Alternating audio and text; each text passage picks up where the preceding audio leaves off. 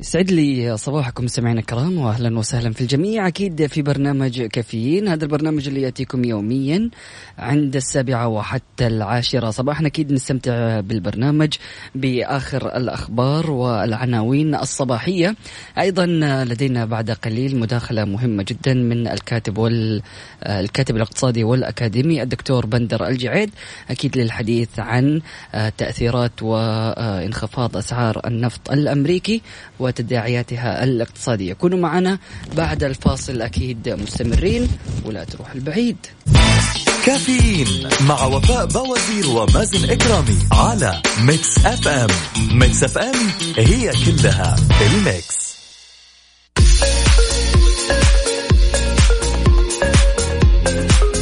يسعد لي صباحكم سمعنا الكرام واهلا وسهلا في الجميع. أكيد مستمرين في برنامج كافيين ويشرفني أنا أستضيف الكاتب الاقتصادي والأكاديمي الدكتور بندر الجعيد. أهلا وسهلا فيك يا دكتور. أهلا وسهلا. دكتور كنا قبل الفاصل بنتكلم على انهيار أسعار النفط الأمريكي ووصولها إلى سالب 37 دولار. في البداية خلينا نتكلم على هذه الأزمة الحاصلة في أمريكا. أسعد الله صباحك أنت والاخوه الاخوات المستمعين والمستمعات. آه، ما حصل آه، مساء البارحة. آه، حقيقة يعني ليس له علاقة بأسعار النفط بقدر ما أنه له علاقة بالأسواق المالية. بالأمس كان هناك استحقاق للعقود الآجلة لمؤشر نفط غرب تكساس لشهر مايو. و بحكم آه، أزمة آه، فيروس كورونا المتفشي في العالم وضعف الطلب على الوقود والطاقة وانعدام الرحلات والنقل آه، حصل عملية سوء تقدير من المستثمرين الحاملين للعقود الآجلة لمؤشر نايمكس وست تكساس. فحصل عملية بيع بدأت من صباح أمس وفقا للاستقراءات في سوق نيويورك. البيع بدأ من 17 دولار تقريبا وانتهى إلى السعر الذي ذكرته 37 minus. طبعا آه هذا السعر آه لا يعكس آه وضع سوق الطاقة. يعني آه ليس سعر النفط اليوم هو 37 بال minus. لكن آه هذا آه عملية في السوق المالي الأمريكي.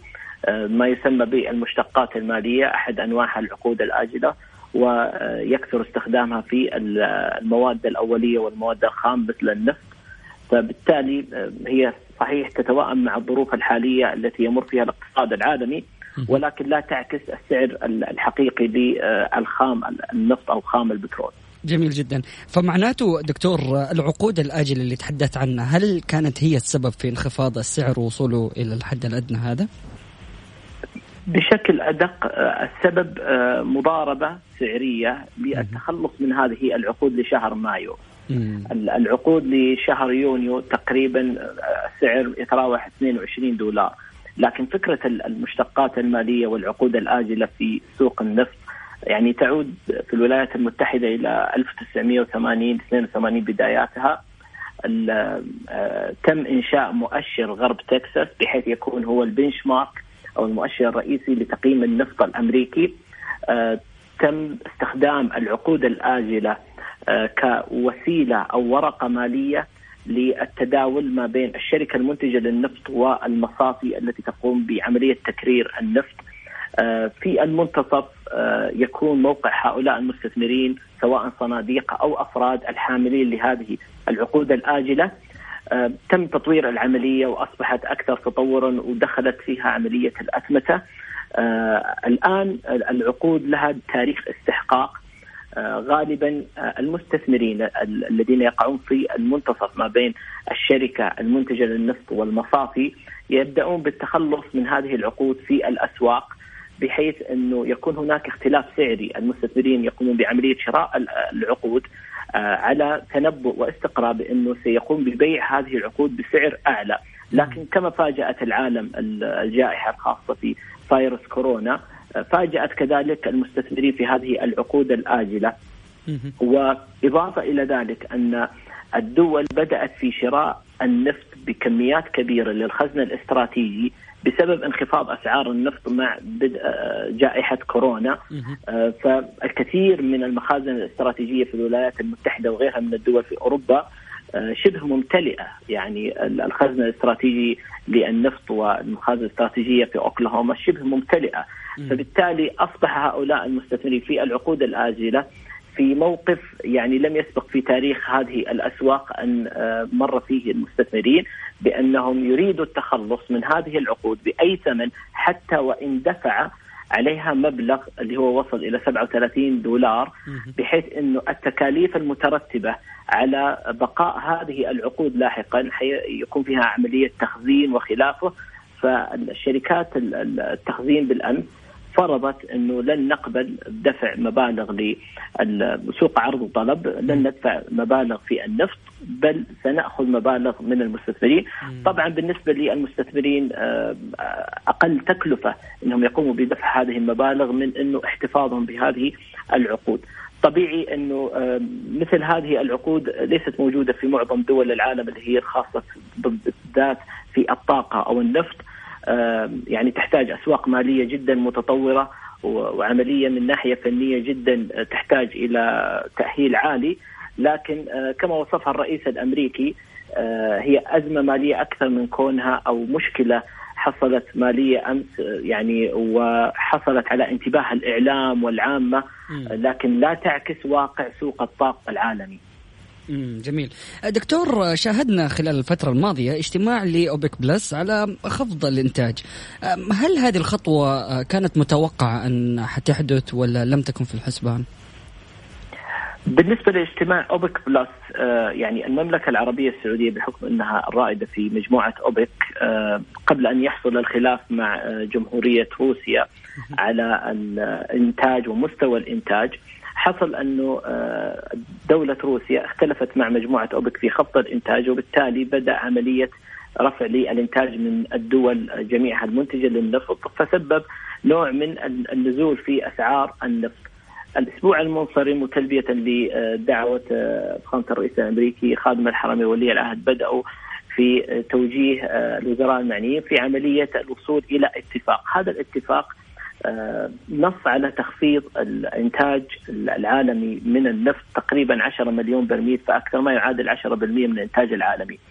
آه، السبب يعود للمحافظة على آه، توازن الإنتاج بين الدول المنتجة، كذلك للمحافظة على الشركات في معظم الدول المنتجة إنه لا يخرج شركات معينة من سوق الطاقة العالمي لأن خروج أي شركة يسبب خلل في عدد الإنتاج أو كمية الإنتاج. إضافة إلى أنه المشكلة الرئيسية الآن انخفاض الطلب بسبب جلوس الأفراد والأسر في معظم دول العالم تقريبا أكثر من 180 دولة في منازلهم آه، تنفيذا لتوجيهات التباعد الاجتماعي وحتى آه، انتهاء هذه الجائحة آه، الصحية. هذا هو السبب الرئيسي لكن خفض الإنتاج لا يرتبط بالعقود الآجلة اللي انتهت مساء الأمس بقدر أنه سوء تقدير من المستثمرين في هذه العقود والصناديق. حصل مضاربة آه، سعرية مفاجأة كانت بالنسبة لهم آه، كورونا. آه، حصل ضغط سعري شديد جدا بحيث إنه مثل عمليه الخوف قليلا يعني نفسية المستثمرين حصل عرض كبير. فبالتالي هذا أدى إلى إنه يدفع المستثمر مبالغ تعادل تقريبا 37 35 دولار، البعض دفع دولار، البعض دفع 15 دولار من أجل التخلص من هذه العقود. وأعتقد إنه آه، يعني آه، مساء البارحة كتب تاريخ يعني انكتب تاريخ في مسألة العقود الآجلة لأنها أول مرة تحصل في التاريخ. وهذا سيعطي المستثمرين آه، حقيقة استقراء في هذه الحادثة بحيث يستفيدوا منها في عملية بناء المراكز المالية في الأسواق سواء في أسواق المشتقات المالية أو في الأسواق المالية بحيث يكونوا أكثر حذرا في استقراء الواقع الخاص سواء بأسواق الذهب أو النفط أو خلافه. جميل جدا. دكتور ما الفرق بين النفط الأمريكي الصخري والنفط لدى شركة أرامكو؟ وهل راح يكون هنالك تأثير على السوق الخليجي للنفط؟ من ناحية الفروقات الكيميائية يوجد بينها يعني فروقات من الناحية العضوية لكن الفرق الأساسي هو في عملية الإنتاج ومستوى التكلفة. الشركات الخاصة في آه، الولايات المتحدة النفط الصخري التكلفة التي لابد أن آه، يتم عملية البيع أعلى منها سعر يصل إلى 25 دولار بعض الأحيان يكون أعلى. فبالتالي بعض الأسعار التي يتم تداولها في سوق الطاقة العالمي قد لا تكون من الناحية الاقتصادية أو من ناحية الربح والخسارة مناسبة لهذا النوع من الشركات. لكن بالنسبة لدول الخليج أو بالنسبة لشركة ارامكو آه، عملية التسعير أو عملية الإنتاج تكون أقل من ناحية التكلفة. لدينا في المملكة العربية السعودية التكلفة جدا منخفضة في عملية استخراج النفط. وكذلك عملية التسعير تكون آه، العربي الخفيف أو العربي الثقيل النفط العربي الخفيف من خلال سله أوبك. بالتالي في اختلاف من ناحية التسعير وكذلك من ناحية تكلفة الإنتاج. آه، لا ننسى طبيعة السوق الأمريكي من ناحية تعدد الشركات. لدينا نحن في المملكة تقريبا آه، شركة وطنية رائدة لكن في السوق الأمريكي في مجموعة من الشركات يعني أكثر من شركة. فبالتالي عامل التنافسية بين هذه الشركات كذلك يلعب دور. جميل. لكن لن نشاهد هنالك تأثير على السوق الخليجي للنفط؟ تقريبا التأثير آه، هو انعكاس الاقتصاد العالمي. يعني اللي حصل أمس في المؤشر الوست تكساس يعني ما يرتبط بشكل كبير مثل ما ذكرت بعملية التسعير الخاص بالنفط في الخليج. لكن من الناحية الكلية يعطينا استقراء لوضع سوق النفط وسوق الطاقة في الفترة الحالية. ما زالت النظرة حتى الآن سلبية لدى معظم الاقتصاديين بأنه الطلب على النفط في هذه الفترة خصوصا مع فترة أه، وجود أه، حظر في معظم دول العالم للتجول أو لإقامة فعاليات أو للسفر. فبالتالي هذه انعكست على أه، مستوى الطلب على الطاقة وعلى النفط على الرغم أنه كثير من الدول استفادت من انخفاض أسعار النفط خلال الفترة الماضية لشراء خزن استراتيجي من الطاقة ما فيها الولايات المتحدة. لكن من ناحية التأثير آه، هي دروس آه، نستفيدها من ما وقع مساء البارحة من ناحية آه، عملية تنويع مصادر الدخل كذلك عملية تخفيف التكاليف في الإنتاج النفطي لدينا مثلا في دول مجلس التعاون بحيث أننا في حال وجود أي تغيرات في سوق الطاقة تكون الشركات أكثر رشاقة ويكون لديها أكثر آه، من مخزون آه، واحتياطي مالي ونقدي يساعدها في المرور في أي مشكلة اقتصادية تواجهها. جميل جدا دكتور سوق الطاقة اليوم مدى تأثيره على الاقتصاد العالمي أو الاقتصاد ككل هل سنشاهد تأثير في الاقتصاد بسبب هذه الأزمة؟ تقريبا العلاقة آه، تبادلية يعني الاقتصاد العالمي النمو الآن في الاقتصاد العالمي استقراء ل 2020 معظم الاستقراءات تختلف عن بداية العام. آه، العام الماضي بنهاية العام الماضي يعني الاقتصاد الأمريكي آه، قام بتوليد وظائف لم تكن مسبوقة من ناحية المستوى. العديد من الشركات في الولايات المتحدة كان الإنتاج فيها وعملية الأرباح مرتفعة. وهذا ينعكس بحكم أن الاقتصاد الأمريكي يعتبر أكبر اقتصاد في العالم ينعكس على الاقتصاد العالمي وكذلك على مستوى الإقليم في الشرق الأوسط. لكن آه، طبيعة هذه الازمه الصحية التي تمر فيها معظم الدول آه، في الشرق الأوسط وعلى مستوى العالم انعكست على بعض الاستقراءات إن شاء الله انه معظم الدول حتحتوي هذا الفيروس ولكن بفترات زمنية متفاوتة.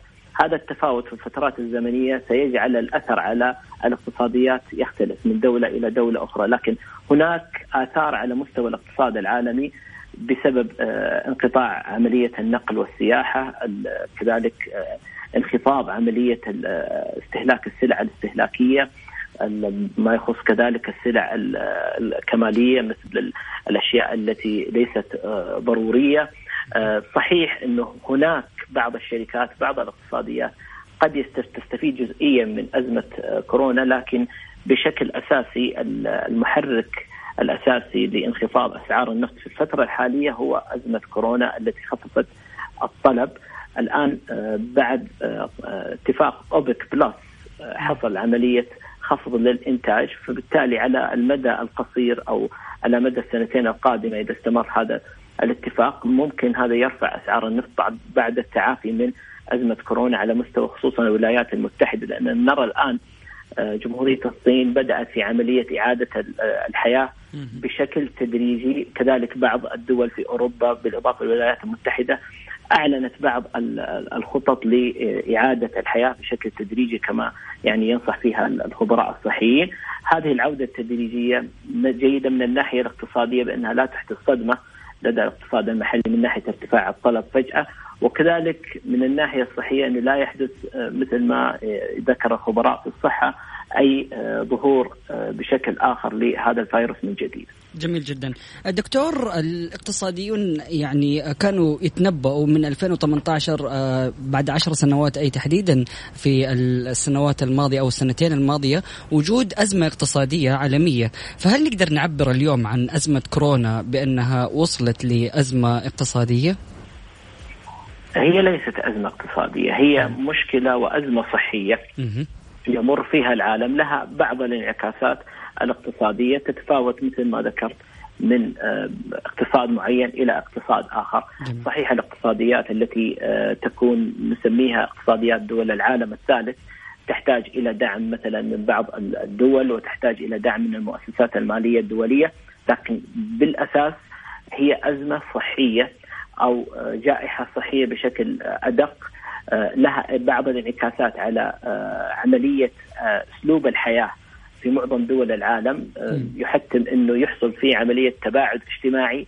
العمل عن بعد كذلك عملية إغلاق لأي أماكن للتجمعات وكذلك وسائل النقل على الحد الأدنى. فبالتالي هذا طبيعة هذا الفيروس وطبيعة هذه الجائحة انعكست على معظم الاقتصاديات. لا يوجد اقتصاد في العالم لم آه، يتأثر بفيروس كورونا بطريقة مباشرة أو غير مباشرة. جميل. بالتالي متى ما بدأت هذه المشكلة الصحية في التباطؤ أو في الانحسار سنشهد يعني عملية آه، الإنتاج والتنمية تعود من جديد بل إنه معظم الاستقراءات إذا تم احتواء فيروس في معظم الدول الرئيسية المؤثرة اقتصاديا دول الاتحاد الأوروبي ألمانيا وبريطانيا والولايات المتحدة. إذا تم احتواء الفيروس خلال الفترة ما قبل بدء فصل الصيف متوقع إنه آثاره لن تمتد إلى العام الآثار الاقتصادية لن تمتد إلى العام المقبل. لكن إذا استمر الموضوع إلى مثلا نهاية فصل الصيف أو نهاية بداية شهر سبتمبر بتفاوت بعض الدول ممكن إنه تستمر بعض الآثار الاقتصادية آه، للعام المقبل 2021 لكن ماذا فعلت البنوك المركزية في معظم الدول وماذا فعلت آه، مجموعة العشرين؟ يعني إحنا في المملكة العربية السعودية نفخر أننا في هذه الظروف الاستثنائية نرأس مجموعة العشرين ونستضيف مجموعة العشرين. كما تعلم المملكة آه، دعت أعضاء المجموعة إلى اجتماع وإلى قمة كذلك في نهاية شهر مارس الماضي. وتوصل أعضاء المجموعة إلى اتفاق بحيث إنه يتم دعم الاقتصاد العالمي بدعم مالي يساعد الدول الأعضاء وكذلك الدول النامية على تجاوز هذه الأزمة.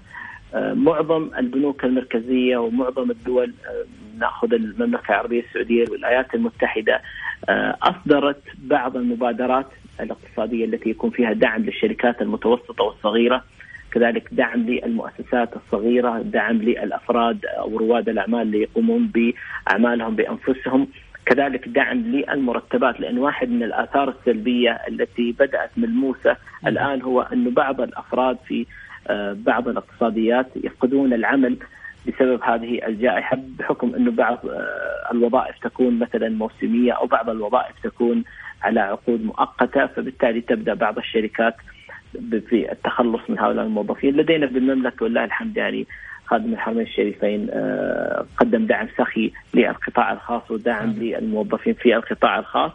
فبالتالي الدول صحيح تأثرت من الناحية الاقتصادية ولكن قدمت مبادرات لاحتواء هذه الآثار. وذكرت لك أن المحرك الأساسي هي احتواء الأزمة الصحية أو احتواء الفيروس الصحي باقصر آه، مدة ممكنة. جميل جدا. دكتور بندر الجعيد كاتب اقتصادي وأكاديمي، شكرا جزيلا لمداخلتك. الله يعطيك العافية، دكتور كلمة أخيرة حاب تضيفها؟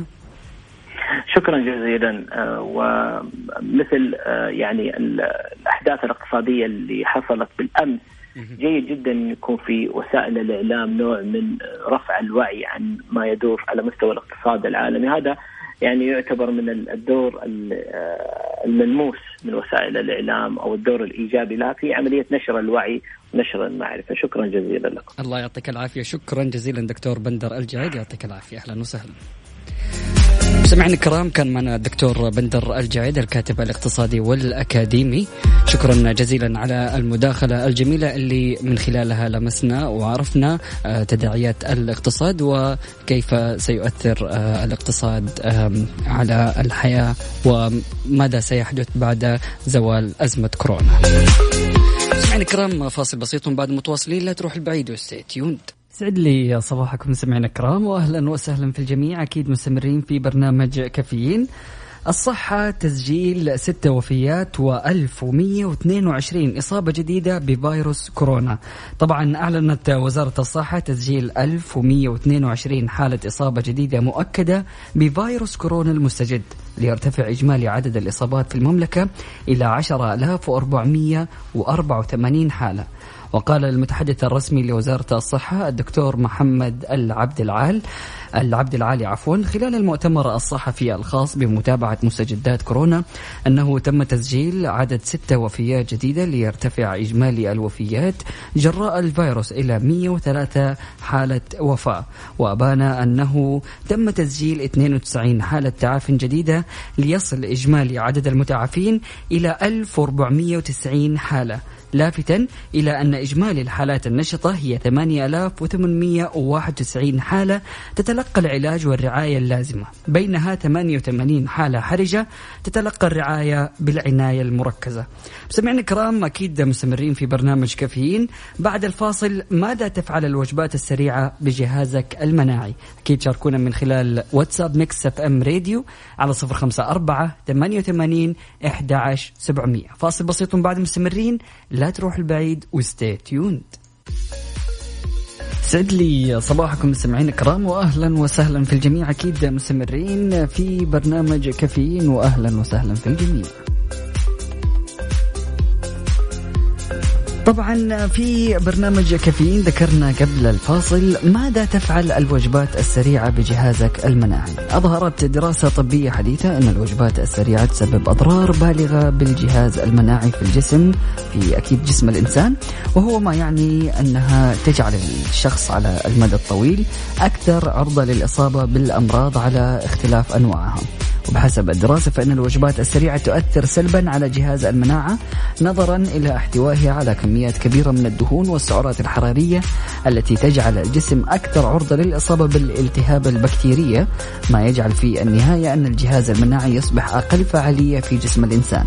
وأشار الباحثون إلى أن النظام الغذائي غير الصحي يقود إلى ارتفاع غير متوقع من الخلايا في الدم التي تؤثر على جهاز المناعة. طبعا متعودين مع الحجر الصحي والعزل المنزلي إنه أغلب الأشخاص جالسين يحاولوا إنهم هم ما يأكلوا إلا من آه، أكل البيت وطبخ البيت وجالسين نشوف الشباب كيف جالسين يتفننوا حتى. لكن آه، في بعض الأشخاص بيعتمدوا على الوجبات السريعة والمطاعم اللي بتوصل أكثر من اعتمادهم على الأكل المنزلي. فهذه الدراسة بتبين خطر آه، هذا الشيء على الجسم. مستمعينا الكرام أكيد متواصلين في برنامج كافيين. لا تروح البعيد وأكيد نستقبل مشاركاتكم على صفر خمسة أربعة ثمانية وثمانين إحدى سبعمئه بعد الفاصل أكيد راح نتكلم على داء الهم وكيف نتغلب عليه. كافيين مع وفاء بوازير ومازن إكرامي على Mix FM Mix FM هي كلها ال mix.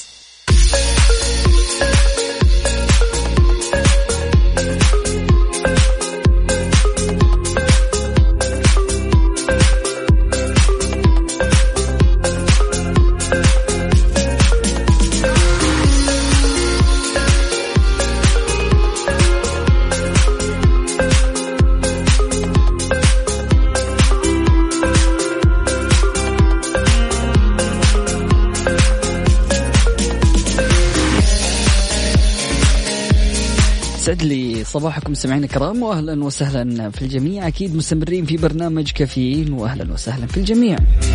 طبعا بخصوص مسابقة وش هالصوت واللي جالسين يسألوا عن المسابقة.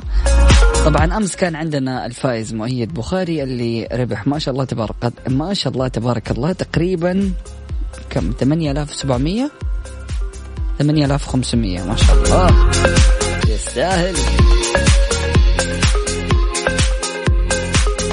تقول حكمة صينية إنك لا تستطيع أن تمنع آه، طيور الهم من التحليق فوق فوق رأسك لكنك تستطيع أن تمنعها من أن تعشعش فيه.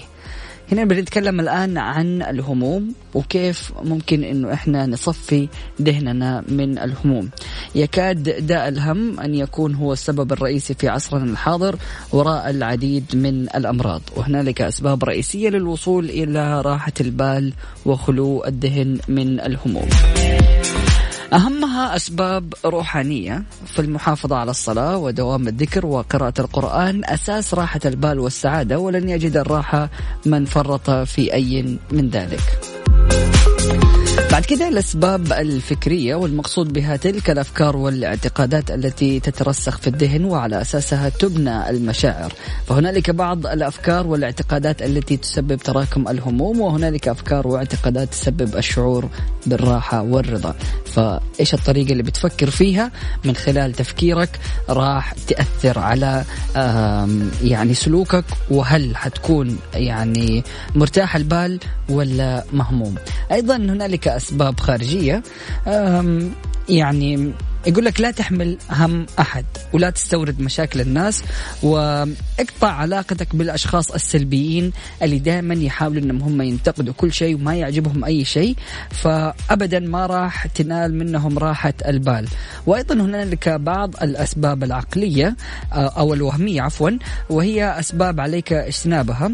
طبعا يعني أحيانا يجوك أشخاص يعني يقولوا لك إنه في أشياء كثيرة حولك يبدأ يشغلوا لك بالك بأشياء آه، ما هي موجودة وبالتالي ممكن إنك أنت يعني دائما تكون قلقان. فهذه من الأمور المهمة اللي لازم تتخلص منها عشان تكون مرتاح.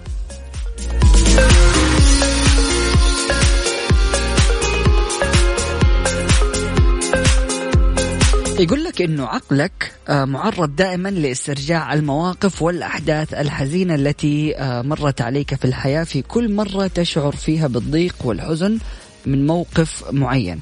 السبب إنه الذكريات المؤلمة تخزن بعمق في الذاكرة. مستمعينا الكرام بكذا نكون وصلنا لختام برنامج كافيين. نلقاكم غدا بإذن الله في نفس التوقيت من السابعة وحتى العاشرة صباحا. كنت معكم أخوكم مازن كرامي سبحانك اللهم وبحمدك. أشهد أن لا إله إلا أنت أستغفرك وأتوب إليك. اجعل من يراك يدعو لمن رباك. فمان الله.